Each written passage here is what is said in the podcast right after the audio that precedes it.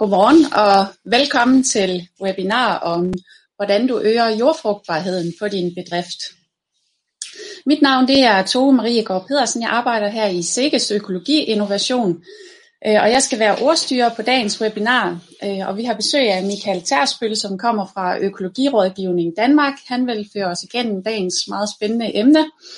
Øh, og Michael han vil netop tale lidt om, hvordan man kan gøre noget på sin egen bedrift for at fremme øh, jordfrugtbarheden. I er meget velkomne til undervejs at stille spørgsmål, og det kan I gøre ved at skrive ude i chatten øh, i højre side af skærmen, og så vil vi samle op øh, til sidst på de spørgsmål, der måtte komme. Øh, og der kan jo så også være nogle opklarende spørgsmål undervejs, hvor vi lige rydder ind. Det foregår på den måde, at øh, vi optager det her webinar, så det bliver lagt på Sikkes TV, så I kan genbesøge det bagefter ja, så, og der vil I så også kunne finde nogle af de andre webinarer, vi har afholdt. Så. Men jeg tror bare, jeg vil give ordet videre til Michael, og så kan du jo lige øh, introducere dig selv, eller præsentere ja. dig selv. Tak for det, og jeg vil også sige velkommen til webinaret her, og øh, jeg har glædet mig til at lave den her lille præsentation, øh, som vi godt kan starte nu. Og øh, det handler jo om at øh, kigge på jordfrugtbarhed det er jo et øh, emne, der er meget op i tiden øh, af forskellige grunde, og øh, det er jo kun glædeligt, at vi kan få fokus på det. Øh,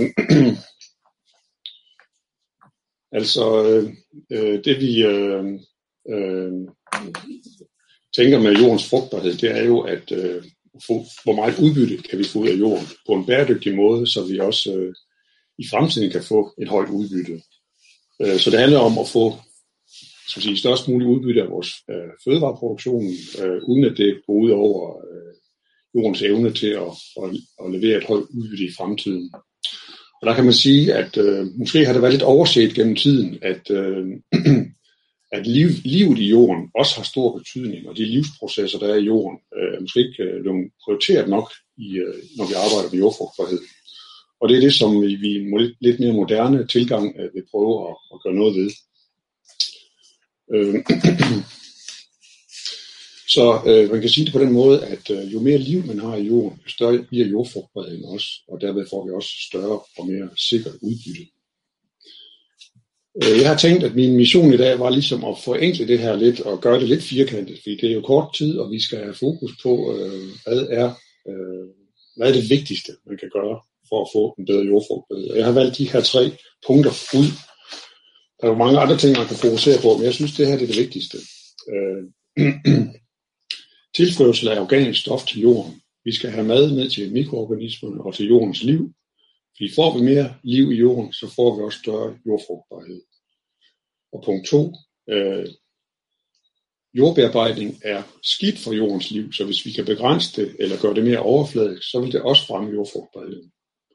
Og punkt 3, hvis vi kan lave vores trafik på jorden mere skånsomt, undgå at komprimere og lave spor osv., så vil det også forbedre jordfrugtbarheden og forbedre vilkårene for planternes vækst. Men øh, faktisk er det kun de to første punkter, som jeg så snæver det ind til nu her, og vi går lidt mere i dybden med dem. Øh, tilførsel af organisk stof, der kan man jo snakke om en øh, organisk stofbalance. Altså, vi tilfører noget organisk stof, organisk stof nedbrydes i jorden og forsvinder. Så jo, hvis vi tilfører mere, end der kan nå at nedbryde, så vil der være en positiv balance. Øh, og så kan vi få organisk stof som i jorden, som, som øh, bidrager til øh, høj jordfrugtbarhed. Og der kan man dele det op i øh, hvad skal man sige, interne øh, tiltag på bedriften. Altså hvad kan bedriften selv magte og gøre for at skaffe organisk stof? Det er jo kløvergræs i sædskifte for eksempel, at man nedmuler sin halm, at man har så mange efterafgrøder som muligt, og at man tilfører husdyrgødning. Og man kan også øh, vælge at tage nogle eksterne bidrag ind, altså få noget tilført udefra, hvor kulstof er produceret i haver, parker og skove, øh, naturgræs, som man kan lave kompost af, øh, tang, eller det kan være recirkulerede produkter fra virksomheder, fra forbrugere osv. Der er også noget som biokul, som nu er blevet tilladt i det økologiske, men det er så en helt anden historie. Men altså, der er forskellige tilgange til at få mere organisk stof ind på, på bedriften, så man kan øge jordfrugtbarheden den vej. Øh, men jeg synes, det er spændende lige at tage lidt fat i noget ny viden, der er kommet frem øh, de senere år. Måske er det så nyt, at øh, der måske ikke er helt, helt videnskabelig enighed om det endnu. Men det gør det ikke mindre spændende. Øh, det vi hidtil har tænkt forstå, det er jo, at øh, som jeg lige sagde, hvis vi tilfører meget dødt plantemateriale til jorden, så nedbrydes det jo til organisk materiale, som i sidste ende bliver til humus. Og jo mere vi så bare tilfører af dødt plantemateriale, jo højere vil vores humusindhold blive under givende forhold. Men øh, der er ny viden, der tyder på, at øh, mikroorganismerne i virkeligheden spiller en langt større rolle i det her. Forstået på den måde, at når vi måler humus i jorden, så er det faktisk ikke rester af plantematerialet. Så er det rester af døde mikroorganismer. Forstået på den måde, at plantemateriale i virkeligheden nedbrydes 100%, og det vi så måler i jorden som humus, det er døde mikroorganismer. Og det er netop det, der også er pointen fra det, jeg sagde indledningsvis, at vi skal fokusere mere på, hvad, hvad vi kan gøre for mikroorganismerne. Og hvad skal de så have, både i mængde og kvalitet, for at have et liv, øh, et, et, øh, et, et liv, der gør, at de bliver mangfoldige, og øh, på den måde bygger jordfrugtbarheden op. Mikroorganismer, de skal ikke kun have kulstof, de skal også have kvælstof for eksempel, og andre næringsstoffer, øh, og, så de ikke er begrænset af det. Og så er der et ekstra element her, nemlig at øh, det vi kalder flydende øh, kulstof, nemlig at planterne faktisk fodrer bakterier og svampe direkte gennem deres eget rodsystem. Det kommer jeg lige tilbage til. Men vi har det her lille forsøg fra 2016, som egentlig demonstrerer pointen meget godt. Øh, det er øh, Kallenbach og andre her, som har forsøgt med øh, noget sand uden organisk stof, og så har de tilført sukker, de har tilført noget kunstgødning, og de har tilført noget bakteriekultur. Og der er sådan set ingen organisk stof overhovedet til at starte med, bortset fra det mikroskopiske, det der kunne være i bakteriekulturen. Og så lever bakterien af det her sukker og det her kvælstof for kunstgødning i 15 måneder, og vugtigt, så er det organiske stof øh, holdt op på 2% plus minus. Øh, og det er jo interessant på den måde at sige, jamen det er jo faktisk bakterierne. Øh, bare de har et eller andet at leve af, så kan de bygge øh, organisk kunst, øh, stof op i jorden. Øh, så øh, det er bakterierne, der skal have fokus på. Og det her med flydende kulstof, jamen prøv at se på det her billede. Øh, det er jo det, man kan se øh, rødderne her på de her planter, de er fuldstændig smurt ind i jord. Det er det øh, miljø om, lige omkring roden, vi kalder ritosfæren, som er øh, jord, mikroorganismer og planterødder i en samlet masse. Og der er det sådan, at planterne faktisk kan fodre med op til 10-15% af deres fotosynteseproduktion. Det kan de skille ud gennem rødderne, som det vi kalder rodeksodater, altså sukkerstoffer og andre forbindelser, som er mad til øh, mikroorganismerne der. Så det er jo sådan set planterne, der direkte selv opformerer og vedligeholder øh, liv omkring deres rødder. Øh, det har de forskellige fordele ud af, men en ting, der også kommer ud af det, det er jo, at de her mikroorganismer er med til at, at, at gå hen i og, og blive øh, og bidrage til en, en frugtbar jord. Så man kan sige, at øh, den bedste jordbehandling, man kan lave, det er rodbehandling. Og det forstås på den måde, at vi skal altså dyrke afgrøder, øh, så jorden ikke øh, bliver sort, eller holdes sort, men dyrke afgrøder mest muligt. Det kan være mellemafgrøder, ledsagerafgrøder, efterafgrøder, så vi får et stort og varieret rodsystem. Og helst også mange bælplanter med i det her, sådan så at jorden gennem rødderne tilføres både kulstof og kvælstof øh, og bakterierne tilføres kulstof og kvælstof, så de kan blive opformeret.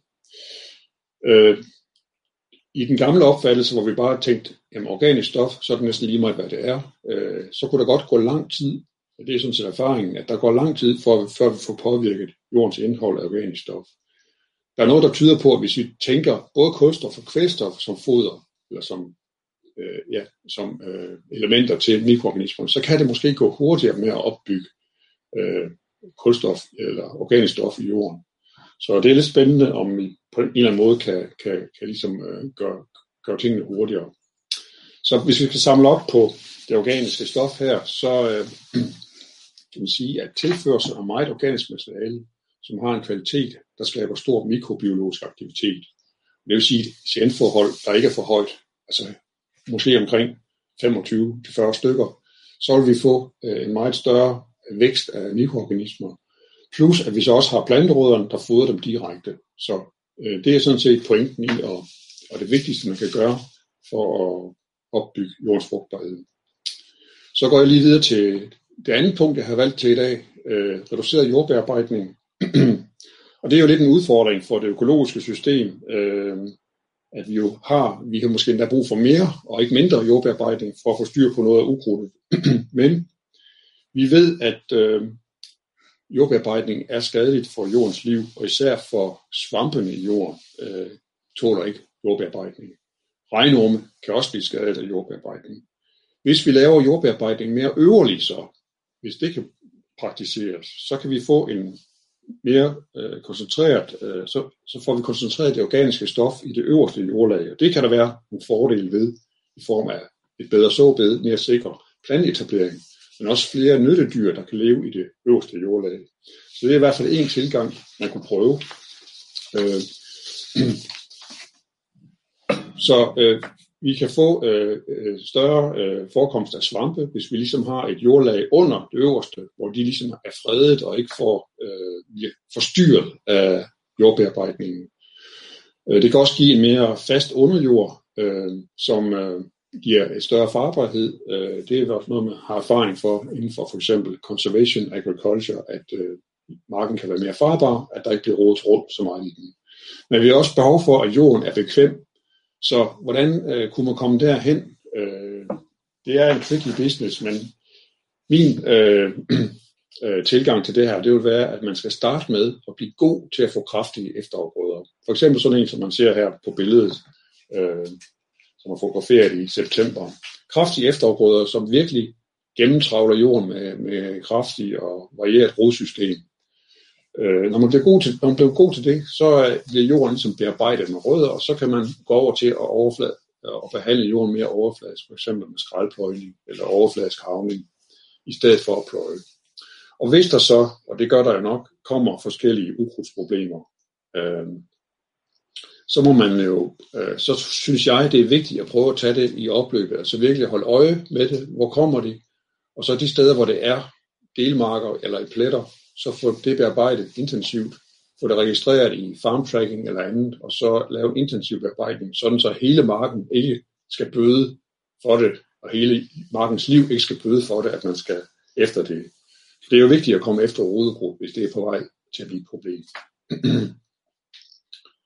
ja, øh, så vil jeg lige vise øh, ganske kort øh, nogle tests, som øh, man kan lave selv. Øh, en mest simple test for om man har en god jordfrugtbarhed, det er sådan set at tage en klump jord fra 10 cm dybde og slemme den op i vand i sådan et glas her, og så vende det tre gange og sætte det på bordet, og så lade det stå i en time. Øh, og der kan man måske sammenligne sin egen marker, eller man kan sammenligne med naboens marker, eller hvis man køber nyt jord, kan man sammenligne det nye jord med det gamle jord. Så kig på, om det her væske, der så står efter en time, af farve det har, hvor klart det er. Jo mere klart den væske er, jo jo højere er jordens evne til at holde sammen på jordpartiklerne, og også et tegn på, at der er et tilfredsstillende indhold af organisk stof. En anden øh, test, vi, øh, vi gør, det er jo spadeprøven, hvor vi er ude og grave huller og karakteriserer jorden, både den øverste del og den nedre del, og der har vi sådan et schema, som I så ikke kan se øh, lige her på den her præstation, men vi har et schema, vi går frem efter, hvor vi øh, giver karakterer og lærer om, hvordan vurderer man det, man har gravet op med spaden. Og det er også en metode, som jeg synes øh, giver meget, og meget lærerigt, og øh, som vi gerne vil have udbredt til, til vores landmænd, at de kan, kan praktisere det. Øh, nogle af de her metoder og mange andre metoder vil øh, SEGES og Økologisk Landsforening præsenterer på nogle jordbrugsværksteder, som bliver arrangeret øh, i efteråret. Altså efter efterårsferien er der fire steder i landet, hvor man kan melde sig til og prøve at komme ud og prøve nogle af de her metoder, og også andre metoder, der bliver præsenteret, så, øh, så man ligesom bliver dus med det. Øh, vi kan se her, har jeg listet op øh, den her metode, jeg lige har vist, og øh, vi har også haft sjov med at lave den her underbuksebegravelse, hvor vi graver underbukser ned, og så ligger de to måneder i jorden, og så kan man tage dem op, tørre dem, og så måle, hvor meget tørstof er forsvundet. Og det kan være forskelligt fra mark til mark, hvor god jorden er til at omsætte sådan noget øh, bomuldstof. Øh, ja, det var sådan helt kort om øh, øh, nogle af de metoder, som er med til at at lære os at kigge på jord og forstå, hvordan tingene fungerer, øh, og hvor langt man er i forhold til at øge jordfrugtbarheden. Så det, øh, det skal vi arbejde meget mere med.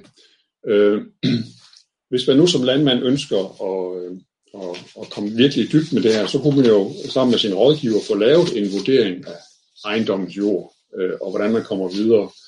Og jeg var prøvet at vise her, hvordan man kunne gøre det. Altså først ville man jo lave en analyse ud fra, hvordan er den her drift øh, forløbet, hvordan har driften været gennem mange år øh, historisk set, og hvordan er den nuværende drift i forhold til sædskift i afgrøder, hvilke typer maskiner og hvilken trafik har man.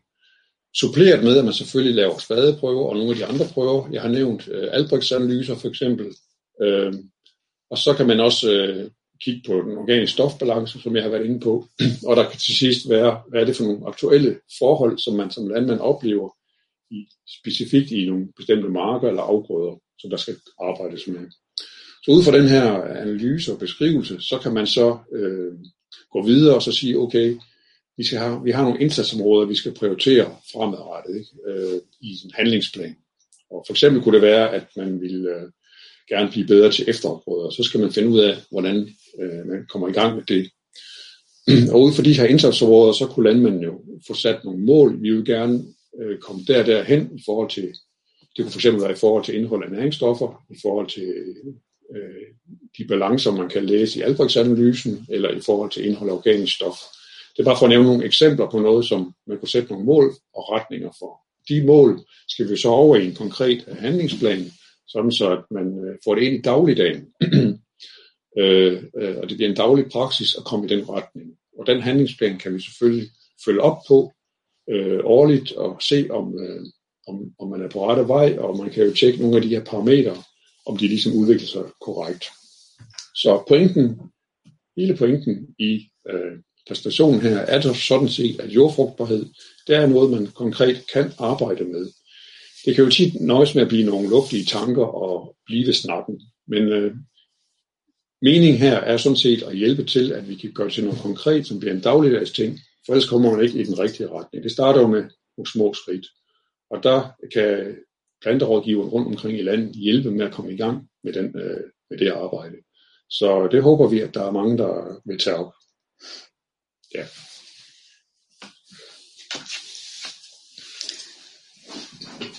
Tak for præsentationen. Det var spændende, Michael. Ja, tak.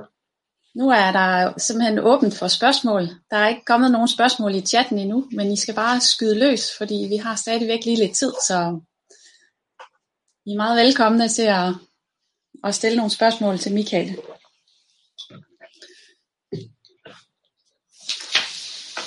Der er et spørgsmål her fra Lars. Kan I konkretisere, hvad man kan fodre jorden med? Øhm, hvad har det rigtige CN-forhold?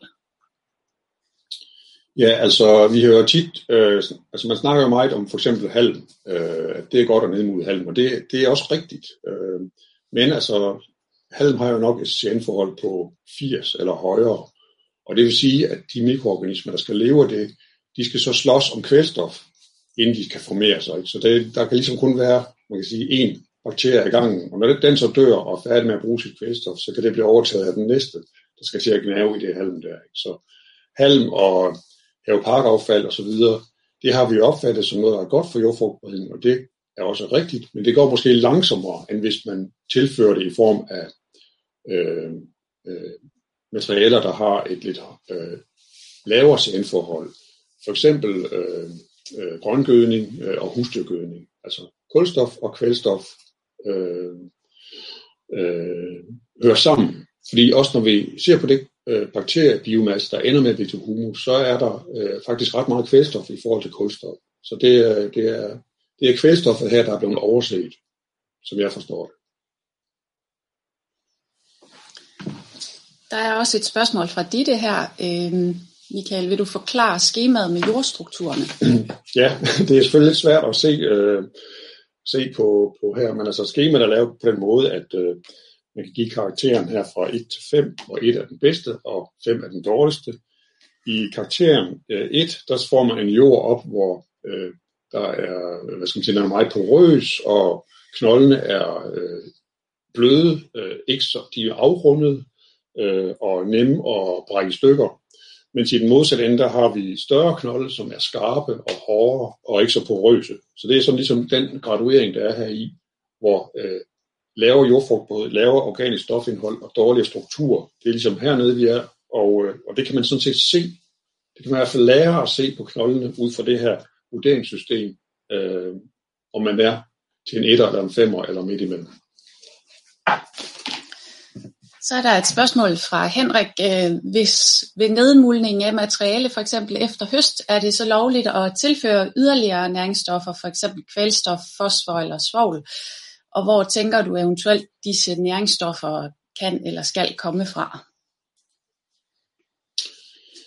Ja, det er, det er nok det er lovligt inden for visse rammer. Øh, altså, øh, vi er nødt til at, at, at have hvad skal man sige, en større recirkulering af næringsstoffer i samfundet. Fordi det, der er grænser for, hvor meget man kan trylle ud af jordens eller af bedriftens egne ressourcer. Ikke? Så recirkulering fra borgernes øh, skal man sige, organisk affald fra køkkener, husholdninger, øh, sådan noget som slam, altså ikke i øjeblikket tilladt inden for det økologiske, men næringsstofressourcerne skal jo tilbage til jorden øh, og indarbejdes, sådan så at, øh, at øh, det kan blive frugtbart igen. Øh, og der, der tænker jeg også, at, øh, at vi måske som samfund er blevet lidt kvælstofforskrækket, øh, øh, og at øh, for eksempel det her med, at man ikke må bruge øh, bælplanter i øh, de pligtige efterafgrøder, kan have noget at gøre med, øh, altså er med til at begrænse muligheden for at øge jordfrugtbarheden.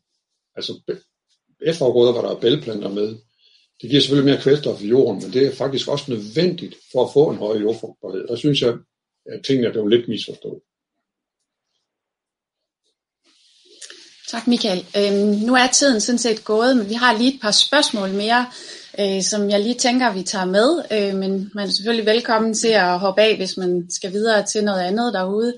Øh, og I kan jo så som sagt også gense øh, hele webinaret øh, på Sikkes TV senere. Men vi tager lige de sidste spørgsmål. Der er kommet et spørgsmål fra øh, Paulina fra Jordbrugsværket i Sverige, øh, og der spørger om Albrecht-analysen, den er blevet mere almindelig i Danmark, og om det er noget, øh, I anbefaler fra øh, rådgivningssiden. Ja, vi anbefaler Albrechts analyser, men det er nok ikke noget, der som er rutinemæssigt anbefaler. Så vi anbefaler det jo der, hvor landmanden er, er mere dedikeret og interesseret i, så virkelig komme i dybden med at forstå, hvordan er øh, jordforholdene på hans marker. Øh, det er jo en dyrere analyse, så måske er der nogle landmænd, der bare får det fra et par enkelte marker, øh, og så kan vi arbejde med øh, de her øh, øh, cation øh, og forhold øh, mellem de forskellige kationer øh, på de marker, øh, og prøve at, at designe et, øh, en tilgang til det, med hvil, hvordan skal vi så få det i balance igen. Så det er ikke særlig udbredt, men vi er meget ops på at bruge det der, hvor landmændene er interesseret øh, og engageret i det. Tak for det. Vinnie, hun spørger, øh, kan, eller hun siger, kan jeg godt forstå det med at bruge halm, men kommer der ikke store problemer med snegle? Jo, altså øh, halm er jo øh, i forvejen ret... Øh, det, I det økologiske er det meget almindeligt at nedmule halm. Øh, øh, det bliver snittet, og det bliver spredt, øh, og altså vi har ikke... Øh, snegle kan forekomme selvfølgelig, øh, så, øh, så der er ikke så meget nyt i at, at bruge halm på den måde, at man snitter det og udbreder det. Så det, altså det, er ikke, det er ikke tit, vi hører om, øh, om snegle øh, problemer i de økologiske afgrøder, men det kan forekomme. Måske, øh, måske kan det også forekomme meget i forhold til, hvis man har mellemafgrøder. Øh, det er ikke noget, økologerne bruger så meget, men det kunne jo eventuelt komme til, netop for at lukke det der hul i, i sæsonen, hvor, hvor jorden er sort fra høst og så til såning af vintersved. Hvis man har mellemafgrøder og muller dem ned, øh, så er der også øh, et, det er også et godt miljø for snegle at blive opformeret i. Så det, øh, det skal man være opmærksom på. Øh, men vi får ikke rapporter ind om, at snegle er et stort problem. I forlængelse af spørgsmålet der, så har øh, Paulina også spurgt, om der er forsøg med øh, multiblandinger af mellemafgrøder. Ja, altså jeg ved ikke, øh, om der er landsforsøg med det, men altså, vi har i hvert fald haft øh, sådan nogle øh, forsøg, eller hvad skal vi kalde det, demonstrationer, øh, sidste år var der, øh, det var der, jeg havde billedet fra øh, på, på sliden her, der var der forskellige øh, virksomheder og rådgiverorganisationer, der blev inviteret til at komme med deres egen blanding, øh, og så var der konkurrence om, hvem der fik den flotteste og højeste osv., og faktisk går konkurrencen videre på at, at se, om hvem der havde den bedste eftervirkning her i 2020. Efterafrådekampen hed det. Så der er så lidt interesse for at se, hvordan kan vi, øh, hvordan kan vi få de her meget kraftige blandinger med mange forskellige arter i gang. Og det kræver jo også, at de bliver sået ret tidligt. Altså, de kan ikke komme efter en hvilken som helst afgrøde. Det er jo helst efter vinterbyg eller tidligt nedmulet græs, øh, frøgræs eller noget, hvor de kan blive sået inden for ja, senest 10. august.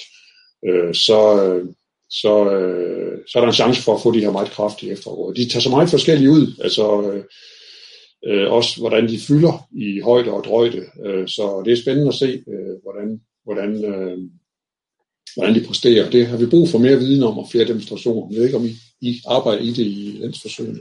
Jo, men der er også masser af forsøg med efterafgrøder i landsforsøgene. Øhm, men jeg tror, at det, det må man lige gå ind og tjekke ind på vores, øh, inde på vores øh, ja, enten i oversigten eller øh, på øh, Nordic Field Trial, der kan man gå ind og se, hvad der aktuelt ligger af forsøg. Jeg tror, at vi skal til at runde af her. Vi tager lige det sidste spørgsmål. Øh, Brian spørger til, hvordan ser I på at bruge dybstrøelse? Er det en god måde at få kulstof- og kvælstofniveauet højere i marken? Ja, absolut. Altså dybstrøelse er der mange landmænd, der er glade for at bruge. Øh, men der er måske desværre ikke nok af det, øh, i forhold til, at vi virkelig gerne vil få jordfrugtbarheden op. Men så og marker, der har fået dybstrøelse gennem mange år, de får en helt klart en højere jordfrugtbarhed. For der har du både kulstof og kvælstof med. Og noget af, af, af kvælstof er måske allerede indlejret i nogle bakterier i selve dybstrøgelsen, øh, og hvis den er komposteret lidt for eksempel. Ikke? Men altså, man skal jo også passe på, når man arbejder med dybstrøelse, så man ikke taber kvælstof med ammoniakfordampning. Så det er også en lidt udfordrende måde at gøre det på. Så, men altså, dybstrøelse er en af de gode metoder til at få både kulstof og kvælstof ned til mikro, mikroorganismerne. Godt. Tak for det, Michael. Og tak, tak for, for alle besvarelserne. Og tak fordi I lyttede med derude. Øh, og I kan som sagt gå ind og gense webinaret inde på Sikkes TV. Og I kan også gå på opdagelse på Landbrugsinfo, hvor vi har en øh, side omkring jordbunden, hvor I også kan finde små videoer, og I kan blive inspireret af, hvis I vil gå ud og afprøve nogle af de her øh, tests, som øh, Michael fortalte om. Øhm, og så vil jeg lige sige, at vi planlægger et øh, webinar her i uge 27 også, som sandsynligvis kommer til at handle om Organic Exits, den nye frødatabase, så hvis det er sådan, at I sidder derude og har behov for at vide lidt om, hvordan øh, den nye frødatabase den fungerer, hvordan I søger i den, hvordan I går ind og opretter jer som bruger, og hvordan I sender dispensationsansøgninger, og hvad det er for en dokumentation, I skal bruge, så øh, hold øje med vores annoncering. Tak for nu. Jeg ved ikke, om du har noget, du lige vil tilføje, Michael? Nej, jeg vil også sige tak for interessen, og øh, det kan være, at vi ses til jordbundsværksteder i, i efteråret ude i landet.